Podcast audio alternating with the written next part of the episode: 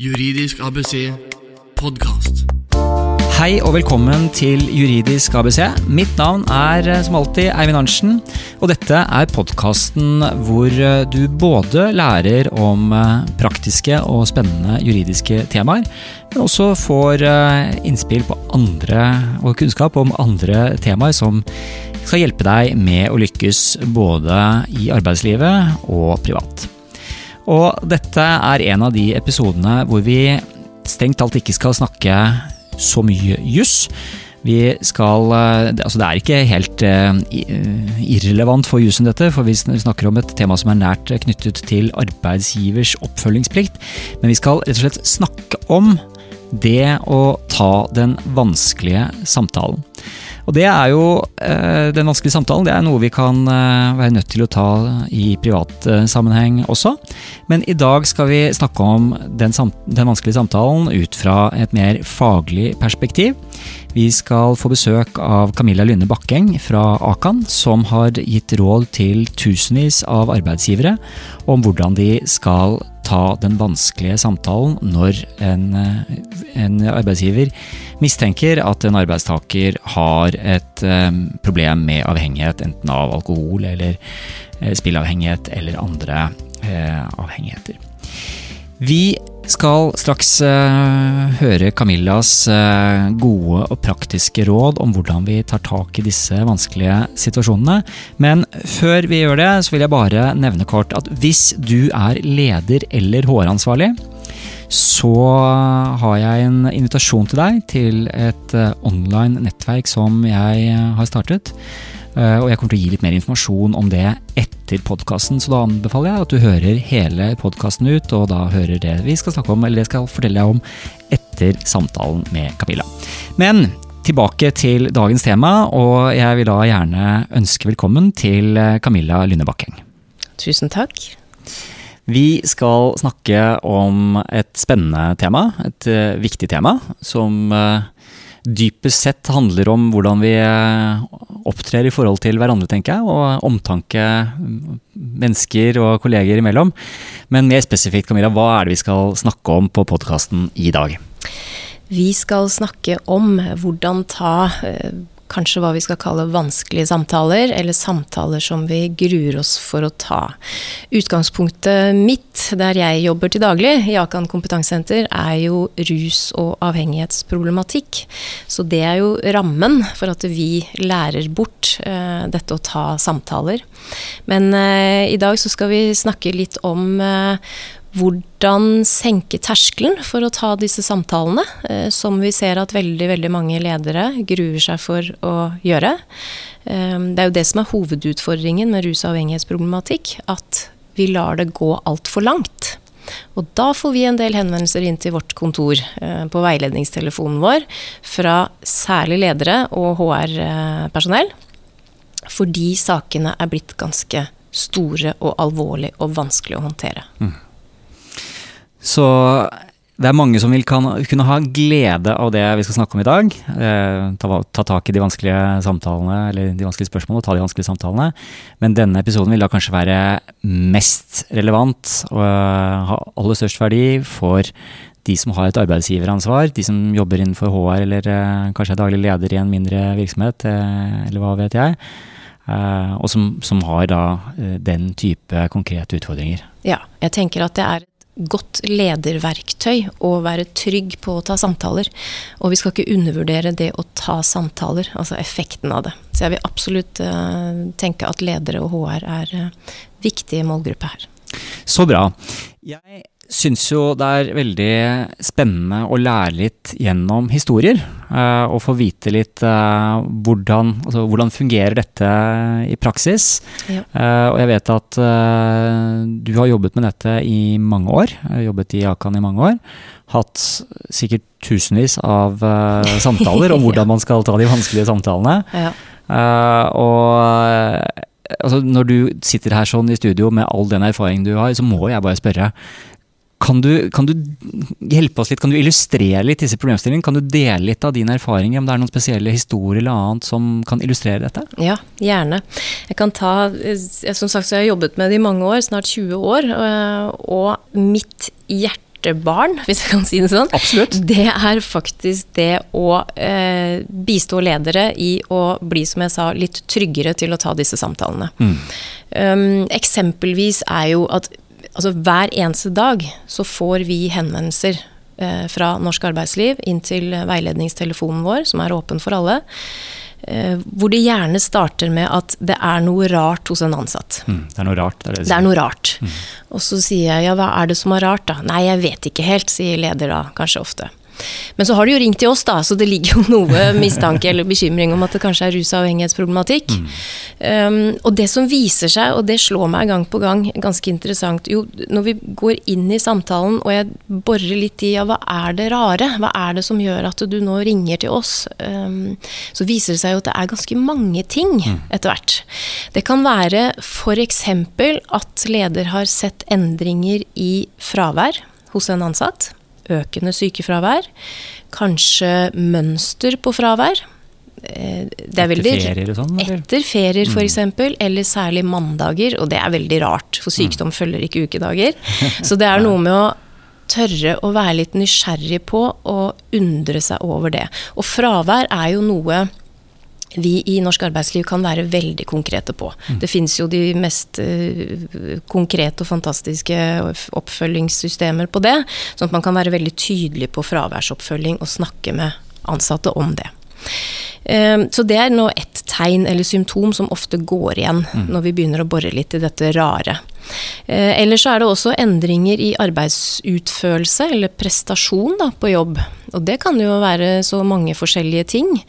At man ikke lenger følger tidsfrister, eller det hoper seg opp. At man ikke gjør jobben godt nok, eh, ut ifra hva slags avtale vi har. Eh, Det kan være kundeklager. Det hører vi innimellom. Eh, Men det er i hvert fall noe endringer der som man ser, som man kanskje ikke nødvendigvis klarer å forklare med en gang hva som ligger bak. Og så er det det siste som kanskje er den vageste, eh, men som veldig mange snakker om, og det er endringer i fra, eh, ikke fravær, men endringer i atferd. Altså hvordan folk oppfører seg. Hvordan de er på jobb. Hvordan de er når de kommer på jobb. Eh, og da er det jo viktig at vi må jo kjenne folka våre, da. Vi må kjenne våre ansatte, vi må kjenne kollegene våre for å se dette her. For vi er jo så forskjellige. For noen så er det helt naturlig å trekke seg unna og holde seg for seg selv og være rolig. Eh, for andre så er det stikk motsatt. Men det er jo endringene som er interessante her. Så når vi begynner å bore litt i det, og, og bli litt mer konkrete, så viser det seg veldig ofte på disse henvendelsene som starter med litt sånn vagt at det er noe rart, at det ligger mer bak. Eh, og at jeg nesten i den telefonsamtalen kan bekrefte at vet du hva, dette høres ut som at her ligger det enten rusproblematikk eller spillproblematikk eller medikament, alkohol. Ja. Um, og det som også går igjen da, det er jo at det gjerne har gått over lang tid. Og jeg skal ta ett eksempel som jeg ofte pleier å ta, den uh, illustrerer ganske godt. Det var en leder som ringte inn og sier at jeg har en ansatt som um, er så sinna når han kommer på jobb. Og da blir jeg interessert, så jeg spør litt, ja det må du fortelle mer om. Nei, så sier han ja han er så sint nå på morgenen at jeg ser at kollegene nesten er litt redd for han. For når vi sier hei, altså hilser som du vanligvis gjør på morgenen, så, så glefser han tilbake, og det blir en sånn utrolig dårlig tone. Og så sier jeg hva gjør dere da, hvordan håndterer du det? Nei, vi lar han bare gå på kontoret, og, og så jobbe for seg selv. Mm, Vær i fred. Vær i fred. Det er liksom det enkleste, da. Og så går det litt bedre utover dagen, sa lederen. Ok, sier jeg. Og så spør jeg er det sånn ofte. Ja, det er vel egentlig sånn hver dag, bekrefter han da. Har det vært sånn lenge, da? Ja, det har vel vært sånn i fem-seks måneder, så jeg lurer på om jeg skal snakke med han, sier lederen. Ja. Da, og da må jeg si at ja, det syns jeg du skal gjøre. Da har det gått ganske langt. For alles langt. del? For alles del. Dette er jo blitt et arbeidsmiljøproblem. Ja, det det. Ja. Så øh, viser det seg da etter noen samtaler at øh, denne mannen kom på jobb i abstinens. Eh, han hadde et stort alkoholproblem, men han var avhengig av å kjøre bil til og fra jobb. Så han drakk ikke før han dro eller satte seg i bilen. Så han kom jo på jobb i abstinens, og det er klart du blir sint da. At du blir amper. Men da har man Altså, da har man brukt litt tid på å utvikle et såpass stort alkoholproblem at du kommer i abstinens på jobb. Så det har gått er det langt langt. fremskredet. Ja, det har gått altfor langt. Men det er litt klassiske problemstillinger, det vi ser. At det er veldig enkelt å være etterpåklok ikke sant? og si at jo da, det var jo noe da og da som, lurte, eller som gjorde at jeg lurte, men jeg klarte ikke helt å sette fingeren på det. Og det er jo sånn det er. Når folk, eller når vi mennesker ikke har det greit, så, øh, så er det jo vanskelig å sette fingeren på akkurat hva det er. Og det er ikke alltid vi har lyst til å fortelle heller på jobben hva det handler om. Vi gjør jo så godt vi kan ikke sant? for å prestere, for å skjule, holde maska. Vi er ganske flinke der. Og det er jo akkurat det samme for de som er i ferd med å utvikle, eller har utviklet et rus- eller avhengighetsproblem. De også kjemper jo hver eneste dag for å holde maska, for å mestre jobben. Eh, og det er jo gjerne det det utvikler seg til, at man bruker rusmidler for å kunne gå på jobb, for å kunne prestere, for å se leder inn i øynene. Ikke sant? Så det handler jo om å mestre eh, på alle mulige kanter. Um, ikke for å være eh, ufin eller ubehagelig for verken kolleger eller, eh, eller leder, for da hadde man jo holdt seg heller eh, hjemme, men det handler om å, å fikse og mestre jobben. Du, jeg lurer på, vi, vi skal snakke litt, om, litt mer konkret om dette, og om samtalene og, og hvordan, eh, hvordan rent faktisk eh, ta tak i disse vanskelige tingene. eh, Utover det at man selvfølgelig må ta mm. samtalen. Før vi gjør det, du nevnte jo disse tre hovedkategoriene av vage signaler. Ja. Hovedposter med forskjellige eksempler. Altså både fraværsmønster, eh, økt sykefravær, eh, arbeidsprestasjoner og atferd. Mm. Og så har du dette eksempelet med den ampre med abstinenser. Men er det sånn at de, eh, de som har et alkoholproblem, da, for å ta den biten, jeg vet Mm. ikke om det samme gjelder for spillavhengighet, at det som regel går etter å være amper og aggressiv, eller kan det også være andre ting at de eh, Jeg vet ikke om de gråter mye, eller er veldig, blir veldig stille, isolerer seg. Kan du si noe om, om den det, det, det, Om det er en skala der, eller om det er, eh, eller om det er veldig likeartede tilfeller? Ja, nei, er, dette varierer veldig, for vi er jo så forskjellige som mennesker. Um, men, men aggresjon eller sinne eller litt sånn amperhet, det hører vi uh, ofte. Og det er litt gjengs over, det både for alkohol, for illegale rusmidler, for dopingpreparater, altså anabole androgene steroider f.eks. Men også spill, for det handler jo noe om at uh, Altså det er jo et forsvar, ikke sant. Eh, og når vi ikke har det greit, så er jo det én måte å forsvare seg på, eller å, å få det ut på, det er jo via sinne. Så det er jo en sånn vanlig følelse hos, eh, hos mange av oss, egentlig. Men det kan like gjerne være at man trekker seg helt unna, blir helt stille, eh, ikke får noe respons, f.eks., selv når man snakker med vedkommende. Det kan være tristhet og at man er lei seg, selvfølgelig. Så dette varierer veldig, altså, så det er vanskelig å, det er vanskelig å sette liksom to streker under svaret der. Men, men igjen, det viktigste er at når du som leder, eller kollega for den saks skyld, men når du får den dårlige magefølelsen over at er noe som ikke stemmer her, det er noe som ikke er greit, så stemmer ofte den følelsen, altså. Og så er det jo ikke sikkert at det er rus eller spill eller avhengighetsproblematikk, men poenget er at da må vi snakke med vedkommende om det, for det er eneste måten å finne ut av det på. Og det vi også øh, opplever, er jo at det hender jo um, at vi har ansatte eller kolleger som er pårørende. Ikke sant? Som ikke har et rusproblem selv, uh, men som lever sammen med, enten i form av ektefelle eller kjæreste, eller har barn med rusproblematikk, eller foreldre for den saks skyld, som blir direkte berørt. Og der ser vi jo ofte de samme tegn og symptomene som vedkommende som har et problem. Så jeg har snakket med ledere som faktisk har tatt feil. De har, tatt, de har hatt en mistanke om at den ansatte har et rusproblem. Og så viser det seg etter, noen, etter en samtale at eh, nei, det er ikke jeg som har et problem, men jeg lever tett med. Så, så, så disse tegnene og symptomene som vi snakker om her, det kan handle om veldig mange andre ting. Det kan være at man selv har et problem, det kan være, eller at vedkommende har et problem, det kan være at man er pårørende, eller det kan være psykisk helseproblematikk. Ofte de samme atferdsendringene, de samme endringene i fravær og prestasjoner vi ser da. Jeg syns det er eh, viktig det du sier, om at eh, det viktigste er at eh, hvis man som leder eh, ser og registrerer disse vage tegnene, så må man eh, ta tak i det. For da er det eh, dessverre ofte sånn at det er et underliggende problem. Og det må man jo for alles del få gjort noe med. Ikke sant. Jeg har, et jo- annet, ja, mm, ja, jeg har et annet eksempel som jeg også kom på nå, som handlet om en, også en leder som ringer inn da, eh, på vegne av en av sine yngste ansatte, en gutt på noen og 20 år. Og der var eh, utfordringen til leder at denne gutten jobbet så mye. Altså Han var nesten sånn overaktiv på jobb, og han tok alle de ekstra skiftene han kunne. For dette var en sånn turnusarbeidsplass. Ja, det kan du nesten kalle det. Eh, ikke tid til å sette seg ned, ikke tid til å ta pauser. Det var full fart hele tiden. Og som leder sa jeg må innrømme at han er jo mest, en av de mest uh, aktive ansatte og flinke ansatte som jeg har akkurat Ja. nå. Men det blir Det er noe her som skurrer. Ja. Men han hadde ingen mistanke om rus. Så vi snakket med han i etterkant av denne samtalen. Grunnen til at leder tok den samtalen, var denne overaktiviteten. Mm. Da. Så han eh, tok en prat med den unge ansatte og sa noe sånt som at eh, du, du er noen og 20 år, og jeg ser at du jobber så mye som du gjør nå. Det er bra det, men hva handler dette om? Mm. For livet ditt, det skal handle om noe mer enn bare arbeid.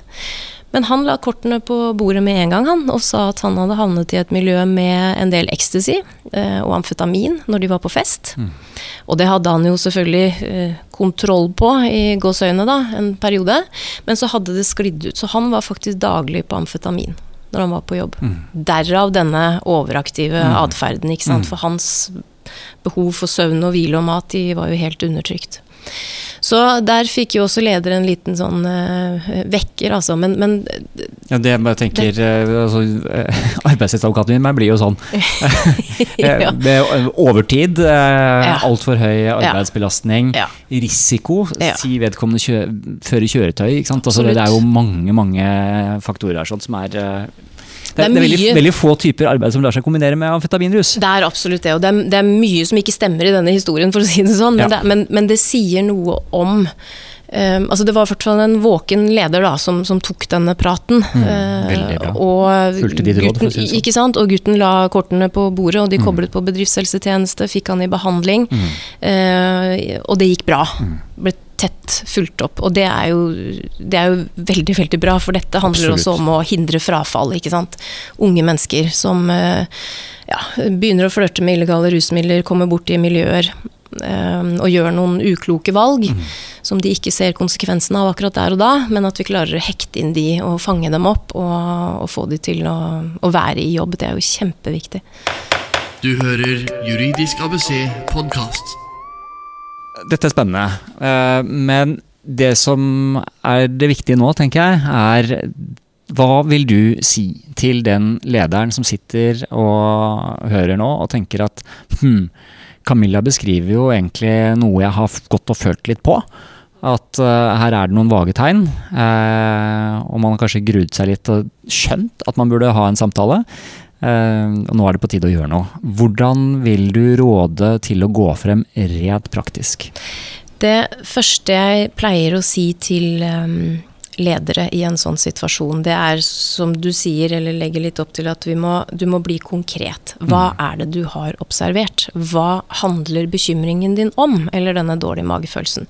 Så hvis du kan være litt, ha litt is i magen og prøve å liste opp disse tingene, sånn at du har noe konkret å bygge samtalen på. Det er, eh, det er sånn første tips. Og så tror jeg vi må trygge ledere på å senke ambisjonen sin for hva du skal få ut av en første samtale her. Basert på en bekymring. Det er ikke én samtale. sånn som du, Vi har jo eksempel med han som legger alle kortene på bordet. Ja, det er ja. ikke nødvendigvis alltid sånn. Det er ikke alltid sånn. Eh, Det hender, eh, men det er ikke alltid det som skjer. Så ofte så må vi nok eh, beregne oss på å ha flere samtaler. Så kan det høres tidkrevende og ressurskrevende ut, men tenk på alternativet. Det er ikke noe godt. Eh, For da fortsetter dette bare som regel å, å utvikle seg til enda større problemer. Så legg litt tid i det. Men senk ambisjonsnivået ditt for hva du skal få ut av den første samtalen. For jeg opplever veldig ofte at ledere sier etter den første samtalen Um, så ringer de kanskje tilbake så sier de at nei, men han innrømmet ikke noen ting. Nei. Kom ingen erkjennelse her, han har ikke noe problem, det var bare benektelse. Og da pleier jeg å si at ja, men hvem tror du at du er som, at, som skal få vedkommende til å erkjenne et rusproblem, når de kanskje ikke gjør det etter tre uker i behandling engang? Så den ambisjonen der må du bare legge død. Det viktigste du skal få ut av første samtale, det er å få formidlet at du er bekymret. Basert på noen konkrete observasjoner eller fakta. Men du er bekymret, og du lurer på hva det handler om. Hvis det er det eneste du får sagt i første samtale, så tenker jeg det er helt greit. Ikke legg lista noe høyere. Og så får du lytte da til vedkommende, øh, hva slags forklaring vedkommende har på denne beskrivelsen din. Um, og så kan det jo hende at det, som det ene eksempelet her, kommer uh, en lettelse eller en innrømmelse. Og da er det fint. Men hvis du ikke kommer hvis, ikke, hvis du ikke får noe særlig respons, eller det blir forsvar, kanskje det blir masse følelser, det blir sinne, um, bortforklaringer osv. Så, videre, så pleier jeg å si til ledere da skal du få et tips til, og da kan du heller ta en timeout. Si det som det er. At jeg hører at nå blir det mye følelser, eller at dette ble vanskelig å snakke om. Tror ikke vi kommer noe videre nå, så tenk litt på det jeg har sagt. Skal jeg tenke på det du har sagt, og så kan vi sette oss ned igjen i morgen. For det vi ser, er jo at dette setter i gang tanker og refleksjoner hos vedkommende. Viktig. Definitivt. Tiden må også inn her. og- Ja, Mm. la folk få lov til å tenke litt på det du har sagt, for kanskje har du nettopp avslørt noe av det de skammer seg aller, aller mest over i livet. Og særlig hvis det er arbeidsgiver eller lederen din som avslører den skammen, så legger du ikke nødvendigvis kortene på bordet, altså. Eller innrømmer noe i den første samtalen. Men at det setter i gang noen tanker eh, som kan løse opp noe ikke sant, i neste samtale. Det er helt klart. Det har vi så mange gode eksempler på. Og så får du heller ta den samtalen opp igjen, og da avtaler dere helt konkret tid og sted når dere skal sette dere ned igjen, og ta opp tråden. Og gå litt videre. I denne viktige første samtalen Mm. eh, så kan man jo se for seg at eh, leder eh, har ulike innfallsvinkler. Alt fra en dårlig eh, kopi av en eller annen eh, etterforsker man har sett på eh, litt for Ja. amerikansk TV, Ja. til veldig medfølende og mild i det andre. Er, man kan se for seg en skala her, ikke sant? Eh, og det, det, det, jeg vil i hvert fall legge til at det er ikke noe avhør vi snakker om her. sånn. Nei. Men kan du si litt om den settingen? Hvilke råd har du til hvordan man skaper eh, en plattform for kommunikasjon her? da? Ja. For det er jo, som du sier, kan, kan hende man pirker borti noe av det såreste, noe, noe som Ofte, vil jeg tro. Vedkommende går og skammer seg fryktelig over. Det, er, det kan hende at de har altså andre store utfordringer i tillegg. Jeg vet ikke, Ja. Noen er sikkert suicidale også. sånn at det, det er jo et følsomt tema. Ja. Eh, hvordan, hvor legger man kommunikasjon? Ja, og det er viktig det du er inne på der, for det er, det er følsomt, det er sårbart, øh, og noen ganger selvfølgelig så, så, så treffer vi på den skammen. Men skal vi få um, mennesker til å åpne seg eller fortelle noe, eller til og med be om hjelp, så handler det om trygghet.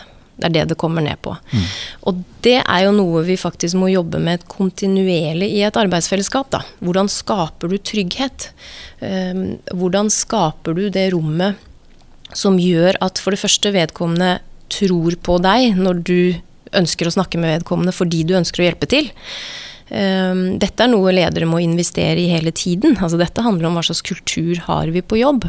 Så hvis man er vant til fra før med å snakke om litt vanskelige ting i et arbeidsfellesskap, så ser vi at de bedriftskulturene som har en sånn type trygghetskultur, de eh, mestrer disse samtalene mye bedre.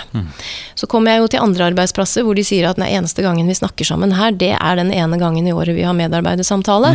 Så det å fortelle sjefen min om eh, noe jeg strever med, det er helt uaktuelt. Så, så, så vi må begynne med den, den tryggheten. Men det kan man jo også skape ved å vise at eh, jeg er oppriktig interessert i deg og hvordan du har det. Jeg setter av tid, er til stede i samtalen. Jeg lytter kanskje til og med dobbelt så mye som jeg snakker selv. det er noe med å, å vise at du virkelig ønsker, ikke sant? én munn og to ører. Ja, det er flere som sier det, at det er et poeng. Um, og ikke er så opptatt av Og nå kommer jeg til det du spør om, egentlig. Ikke er så opptatt av den bevisbyrden. For det er jo det det ofte handler om når vi kommer til disse hva skal jeg si, amerikanske avhørsmetodene. ikke sant? Hvor vi liksom skal Vi har jo samla opp så mange bevis, så nå skal jeg skyte med alt det kruttet jeg har. Sånn at du skjønner at nå må du bare legge deg flat og innrømme Ja, for hva Noen kan tenke at man må ha den konfrontasjonen for å Ja. hjelpe vedkommende, selvfølgelig. Det er jo i god mening, men at man må liksom kjøre litt hardt kjøre på. litt hardt, ja. ja. Men ofte så fører jo det bare til enda mer forsvar, enda mer bortforklaringer. Nesten sånn at vedkommende tuller seg inn i noen sånne løgner og forsvar som, som det blir vanskelig å komme ut av. Da. Så vi sier ofte at ikke, ikke start med alt du har. altså Ta det som er viktigst for deg som leder i den første samtalen, og lytt litt til hva du får av respons. Og så kan du heller bygge på det. Bruk de svarene du får til å stille nye spørsmål. Eh, og så ser du litt hvor du, hvor du lander på akkurat det. Det vi er veldig eh, gode på når vi skal snakke med, med andre, det er jo at vi gjerne har den derre planen. ikke sant? Vi har alle spørsmålene rigga på forhånd. For det vi absolutt ikke vil ha noe av, det er stillhet. Det er jo det verste vi kan tenke oss.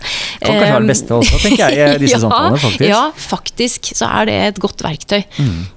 La folk få lov til å tenke seg om da når du stiller et spørsmål. Og hvis du ikke får svar, så still spørsmålet en gang til. Ikke gå hele tiden videre, og jag liksom videre i denne malen som du har av det du ønsker å presentere. Um, for Men, det, det er jo, når du, men å være, det handler jo også om å være forberedt. Det er jo fint å være forberedt òg. Ja, absolutt. Og det har du jo anledning til som leder. Mm. Kanskje enda mer forberedt enn vedkommende kan være. Ja. Eh, Så, så det skal du absolutt tillate deg, men det er noe med å, å begrense litt at du ikke tar alt med en gang. Mm. For det kan bli så overveldende for vedkommende, å bare er med på dette forsvarsmekanismene. Og vi går i forsvar når vi føler oss trua. Og det er klart, en sånn situasjon som dette her, hvor dette er i ferd med å bli avslørt, så blir folk livredde for hva skjer med jobben min nå. Tar vi denne samtalen fordi jeg egentlig er i ferd med å miste jobben, eller er det fordi jeg skal få hjelp, faktisk? Det vet man ikke alltid. For dette er ikke temaer som vi kanskje har snakket om i forkant. ikke sant? Hvordan vi ønsker å håndtere disse typer utfordringer på arbeidsplassen vår. Da. Så det skaper en utrygghet, bare det. Og da er det noe med å jobbe med den, skape den tryggheten og roen hos vedkommende, sånn at de faktisk skjønner at dette er i beste mening, jeg ønsker å hjelpe deg, um, men da kan man godt starte litt forsiktig. Og så er det jo noe med at eh, det går an å, å, å tenke begge deler her. Eh, være tydelig og konkret på hva det handler om. Stille krav eller forventninger. Og sette grenser. Det er mye omsorg i det. For det vi ofte kanskje gjør feil, er jo at vi syns så synd på vedkommende. Og vi er så redd for å gå for hardt fram, så vi liksom vi tuller oss inn i noen sånne eh, Vi skal vise omsorg, og det skal være harmoni og ro, og vi skal beholde relasjonen oss imellom, skal for all del ikke bli uvenner. Ikke sant? Vi er jo veldig der. Um, men det er ikke noen motsetninger her, altså. Å være tydelig og klar, sette grenser. Um, vi tar jo disse samtalene fordi vi ønsker en endring. Så det er ikke noe tvil om det. Det er ikke noe sånn uh, koseprat heller. Um, men det går an å gjøre det med mye omsorg, rett og slett.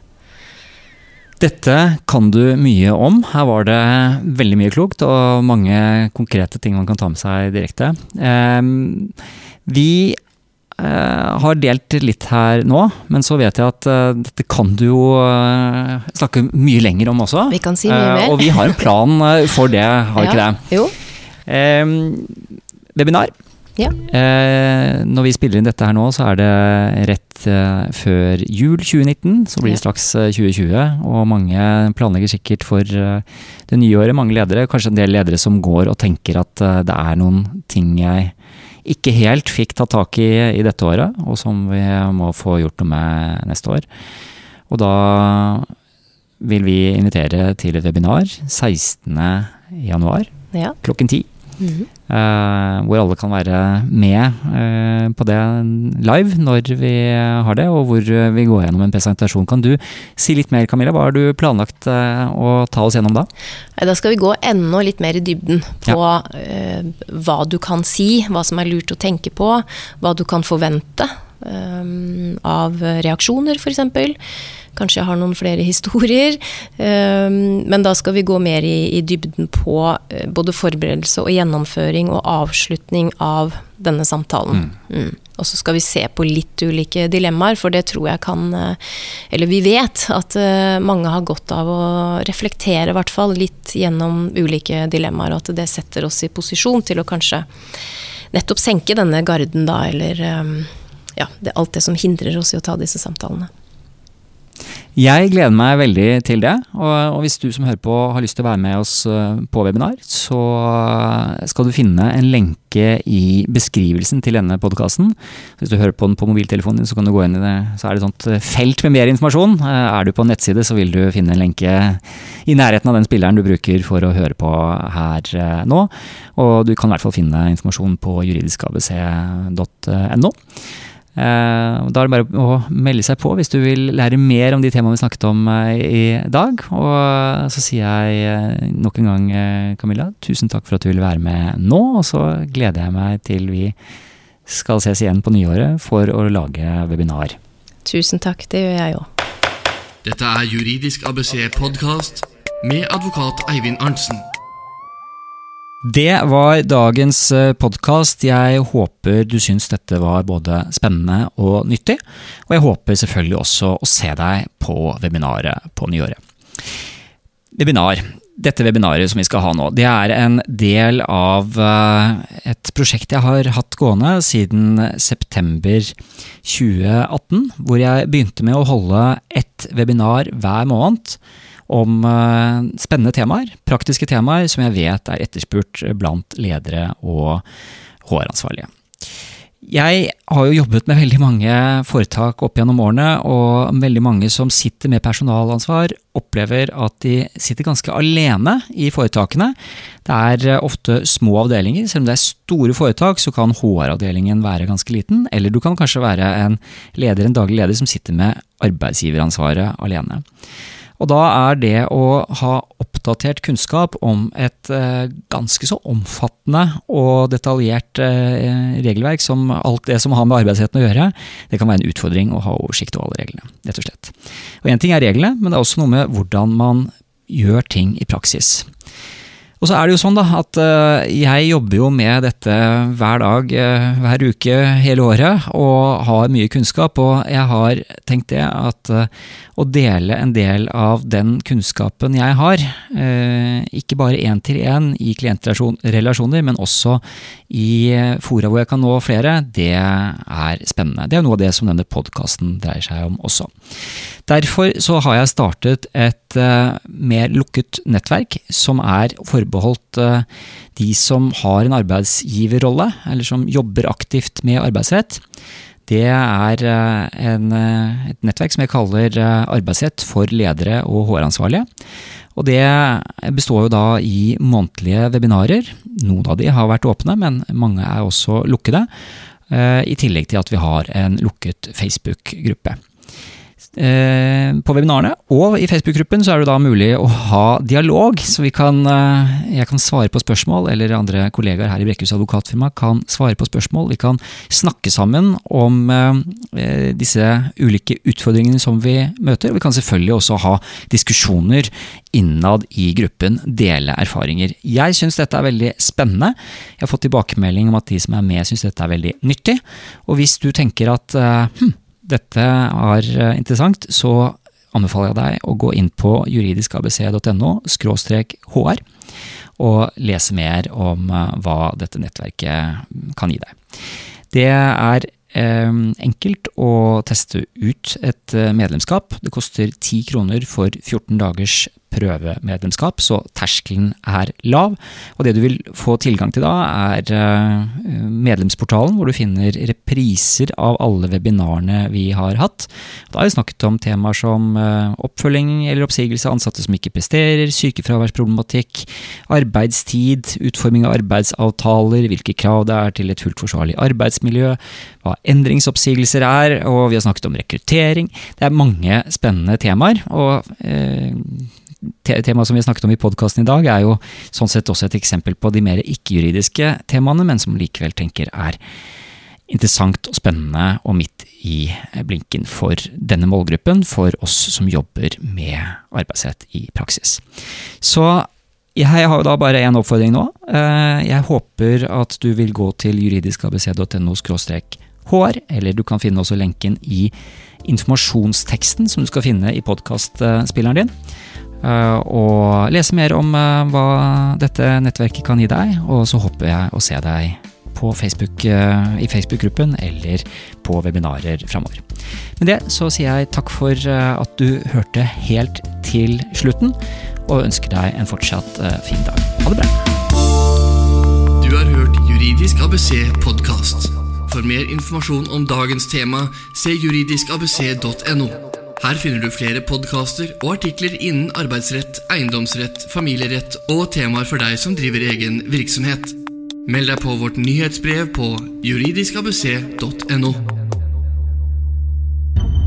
Produsert av Øystein Weibel og Kanonlyd. Kaboom!